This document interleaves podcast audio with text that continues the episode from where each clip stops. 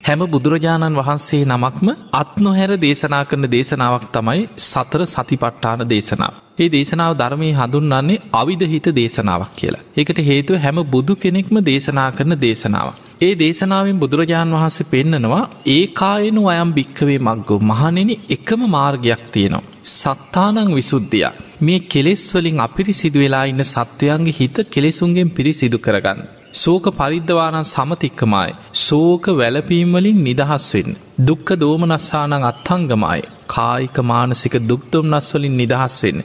නිබ්බානස්ස සච්චිකිරියයි නිවන සාක්ෂාත් කරගන්න එකම මාර්ගයක් තියෙනවා ඒ තමයි යදිදං චත්තාරෝ සතිපට්ටාන. එමනම් මේ සතර සතිපට්ඨානි තමයි අපිට හිත පිරිසිදු කරගන්න කෙලිසුන්ගේ නිදහස්වෙන්න දුක් දුම්න්නස්වලින් නිදහස්වෙන්න නිවන සාක්ෂාත් කරගන්න තියෙන එකම මාර්ගය හැටියට බුදුරජාණන් වහන්සේ පෙන්නුවේ. දැන් අපි ගත්තොත් අපේ හිතට තියෙන රැකවරණ දැන් අපේ කය මොන තරං උපක්‍රම යෙදුවත් මේ කය දියුණු කරලා කය බොහෝ කාලයක් තියාගන්න බෑ කය කොච්චර උපක්‍රම යෙදුවත් වයිසට යනවා අපි කවුරුත් වයිසට යනවා අපේ බුදුරජාණන් වහන්සේත් වයිසට ගිය බුදුරජාණන් වහන්සේම ආනන්ද හාමුදුරන්ට දේශනා කරනවා ආනන්දේ දැන් තතාගතය බුදුරජාණන් වහන්සේගේ ශරීරය හරියට ජග්ගර සකටන් කියෙන දිරාපු කරත්තයක් වගේ කියෙන. එතකොට උන්වහන්සේත් අවුරුදු අසුවක් ආසන්න වේගෙන එනකොට පිරිනිවන් පාන කාල වෙනකොට උන්වහන්සේගේ වයෝෘද්ධ ලක්ෂණ පහළ වෙලා තියෙන. ඊළඟට බුදුරජාණන් වහන්සේත් ලෙඩ වුණා. මේ කය දරාගත්ත කවුරුත් ලෙඩ වෙන එක වලක්වන්න පුළුවන්කමක් නෑ. හැබැයි අපි හිත දියුණු කරගෙන නැත්නම්.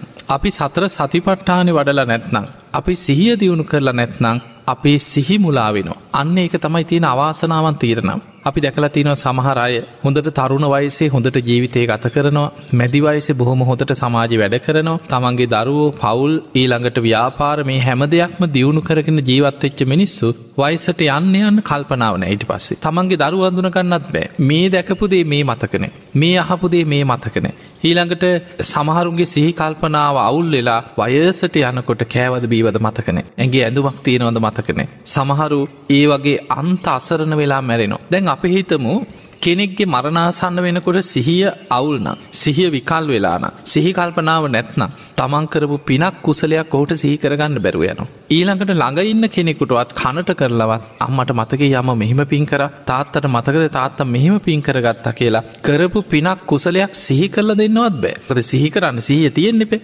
එතකොට අපිට පේනවා මනුස්ස ජීවිතය අවාසනාවන්තම ඉරණමක් තමයි අන්තිම මොහොතේ මරණාසන්න මොහොතේ අකුසල් බලවත් වෙලා සිහිමුලාවනොත් ඇතිවෙන ඉරනම්. බොහෝ වෙලාවට බුද්ධ දේශනාව තියෙන එහෙම සිහිමුලා වෙලා. අකුසල් මත සිහිමුලාවනොත් මරණින් මති දුගතියට වැටෙනවා. ඒ නිසා මේ සිහිය රැකගන්න නම් මැරෙන්න්න වැටෙනකං හිටියොත් බොහොම අමාරු වැටෙන දැ බොහෝ දෙනෙක් ඉන්න ඔයි අකුසල් කර කර පවකං කර කර ඉන්වායක මං ඒ වෙලාවට කරගන්න කියලා හිතාගෙනන්න. හැබැයි මරණාසන්න වෙනකොට බොහෝ අන්ත අසරණයි මිනිස්සු. ඒ නිසා සිහිනුවන තියෙන වෙලාවෙන්. භාවනාවක එදෙන්න පුළුවන් කාලේ. හොඳට වීරිය වඩන්න පුළුවන් කාලේ අපි මේ සමත විදර්ශනා භාවනා දියුණු කරගත්තොත් අපේ හිත දියුණු කරගත්තා වෙනවා. මේ සතර සතිපට්ඨානේ. දැන් එතන ඒ වචනය ගත්තත් තියෙන සතර කායනු පස්සනා වේදනානු පස්සනා චිත්තානු පස්සනා දම්මානු පස්සන. සති කියන සිහිය පට්ඨානය කැන පිහිටවල සිහිය දියුණු කරගන්න ක්‍රම. එතකොට මුළු සතර සතිපට්ඨානය පුරාමු ගන්නන්නේ තමන්ගේ සිහිය දියුණු කරගන්න තියෙන භාවනා ක්‍රම ගොඩක්. ආනාප කායන පස්සනාව ගත්තොත් ආනාපාන සතිය. ඊළඟට ධාතු මනසිකාර භාවනාව. කායගතා සති අපි කෙන එක පිළිකුල් භාවනාව අසුභ භාවනාව මොන නමින් කිවත් කායගතා සති භාවනාව. ඉරියව් ඔස්සේ සිහිය පිහිටවන්න පුළ ඉරියාපත භාවනාව.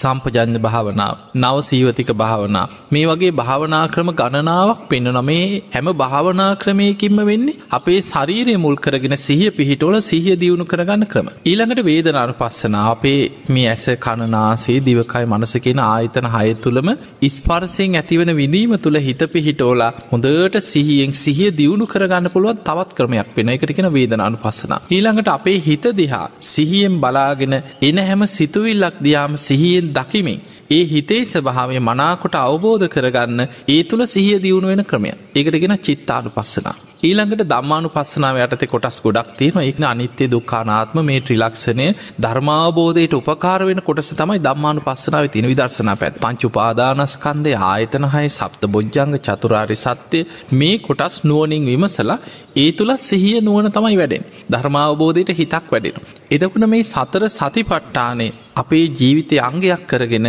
අපි ටික ටික හරි පුරුදු කරගත්තේ නැත්නම් බොහෝ වෙලාවට අර අවාසනාවන් තීර නමට අත්වෙන්න පුළුව. සිහිය මුලා වෙන. බොහෝ වෙලාවට අපි දකිනවා එහෙම හිත දියුණු කරලා නැත්නං බොහෝ දෙනෙකුට අර නීවරණවලින් හිත යටපත් වෙලා අකුසලේම තමයි හිතට ගලාගෙනෙන්. මොකද අපේ හිත පිහිටලා තියෙනෙ කුසල මූලයන් තුළ නෙමේ.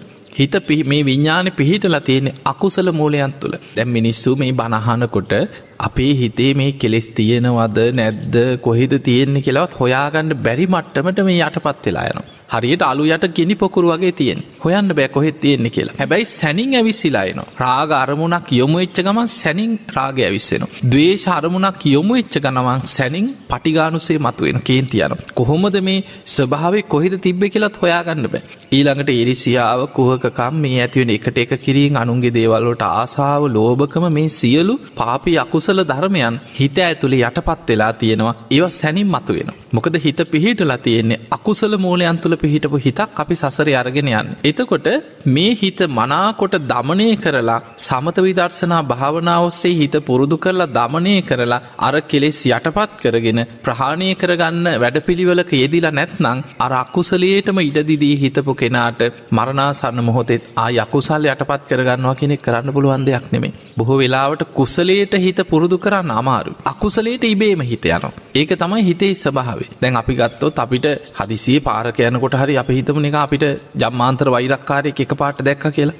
දැන් දැකපු ගමන් අපි අමුතුවෙන් මට දවේශය ඇතිවේවා ඇතිවේවා ඇතිවේවා අන්නරුයි නොදවේශය ඇතිවේවා කියලා ඇතිකර ගන්න න අපිට දකින සැනින් කේන්ති ගිහිලා ඉවරයි. ආය අමුතුවෙන් උත්සාහ කරන්න ඔන්න අපිට කෙලෙස් සහිත අරමුණ දකිනකොටම කෙලෙස් ඇතිවෙන හැබැයි අපිට සද්ධාව ඇති කරගන්න සමත භාවනාවක් වඩන් ඊළඟට සීලිය දියුණු කරගන්න ධර්මය මෙනෙහි කරන්න. ඒවට අපි ලොකු උත්සාහයක් කරගෙන තමයි මෛත්‍රිය වඩන්න වේවා. ලොකු උත්සාහයක් කරගෙන කරගත යුතු දේව